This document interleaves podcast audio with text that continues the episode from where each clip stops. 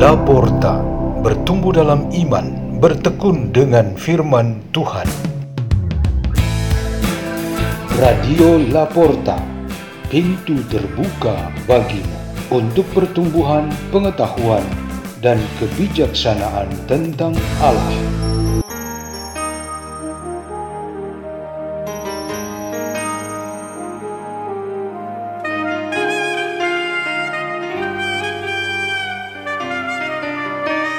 Bacaan dan Renungan Sabda Tuhan Hari Kamis Pekan ke-20 Masa Biasa 24 Agustus 2023 Pesta Santo Bartolomeus Rasul dibawakan oleh Innocentius Beni dari Komunitas Pukat Labuan Bajo Keuskupan Ruteng, Indonesia.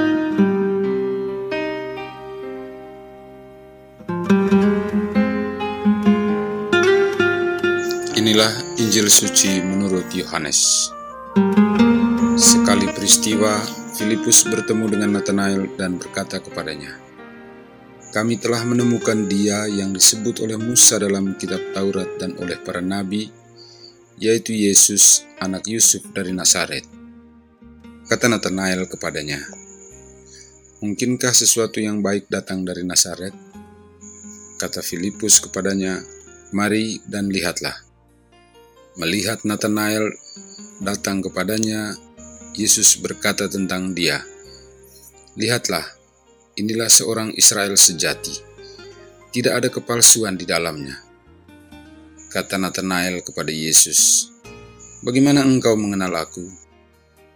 Jawab Yesus kepadanya, "Sebelum Filipus memanggil engkau, aku telah melihat engkau di bawah pohon ara."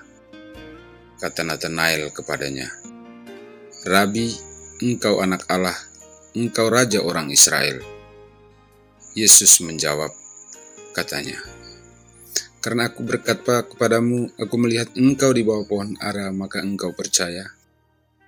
Hal-hal yang lebih besar daripada itu akan engkau lihat.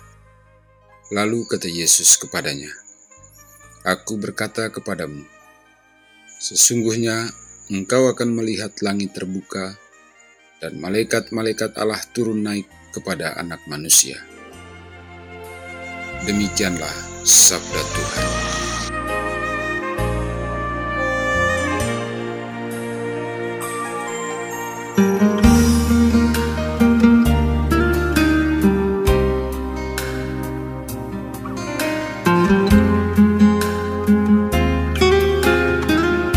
Tema renungan kita pada hari ini ialah melihat yang terbaik. Salah satu dari dua belas rasul Yesus ini sering disebut dalam Injil sebagai Nathanael yang ditampilkan dekat dengan Filipus. Filipuslah yang perkenalkan dia kepada Yesus. Ia sudah memiliki kesan negatif terhadap Yesus sebelum berjumpa dengannya, karena Yesus dari Nazaret, sebuah tempat yang tak penting dan tak disukai orang-orang pada umumnya. Sebaliknya, Yesus justru punya pikiran dan kesan positif terhadap Nathanael, bahkan sebelum perjumpaan itu terjadi.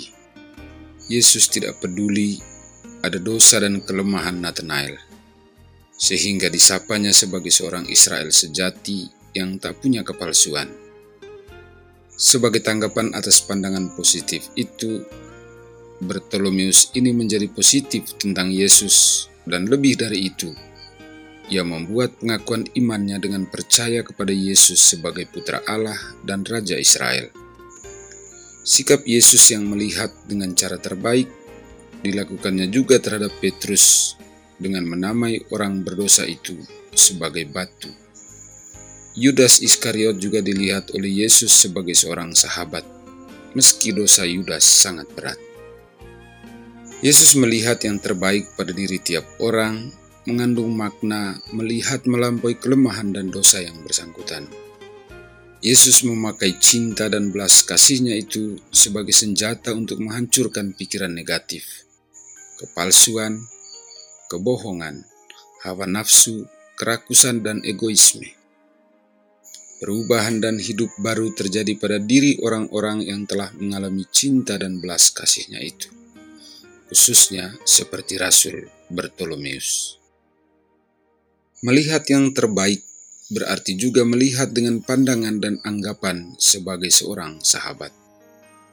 Orang yang bersahabat tidak mesti jaraknya dekat dan dalam waktu yang lama. Orang-orang yang baru saja bertemu bahkan dengan bantuan mata iman dan kasih, mereka sudah bisa bersahabat. Orang-orang asing, tamu atau orang baru akan terbantu dalam rasa betah dan penyesuaian diri ketika mereka dilihat dengan cara seperti ini. Dari pandangan yang bersahabat itu, tercipta suatu kemampuan melihat yang membawa suasana damai dan nyaman. Suasana yang demikian sangat memberikan keuntungan setiap orang yang terlibat. Melihat yang terbaik juga memakai cara profetik seperti yang dilakukan kitab Wahyu. Ialah pengharapan hidup sempurna dalam kerajaan surga. Tempat Bartolomeus sudah tersedia bagi kedua belas rasul. Demikian juga kita para pengikut Kristus melihat satu sama lain sebagai satu kawanan umat Allah yang nantinya menjadi penghuni kerajaan surga yang abadi itu. Maka kita memang pantas saling mengingatkan dan mendukung untuk bersama-sama nanti sampai ke tujuan itu. Marilah kita berdoa dalam nama Bapa dan Putra dan Roh Kudus. Amin. Ya Tuhan Yesus Kristus, Kuatkanlah dan mampukanlah kami selalu untuk melihat dengan cara yang terbaik di dalam diri sesama kami, seperti yang Engkau sendiri lakukan. Kemuliaan kepada Bapa dan Putra dan Roh Kudus, seperti pada permulaan, sekarang, selalu, dan sepanjang segala abad. Amin. Dalam nama Bapa dan Putra dan Roh Kudus. Amin. Radio Laporta, pintu terbuka bagimu.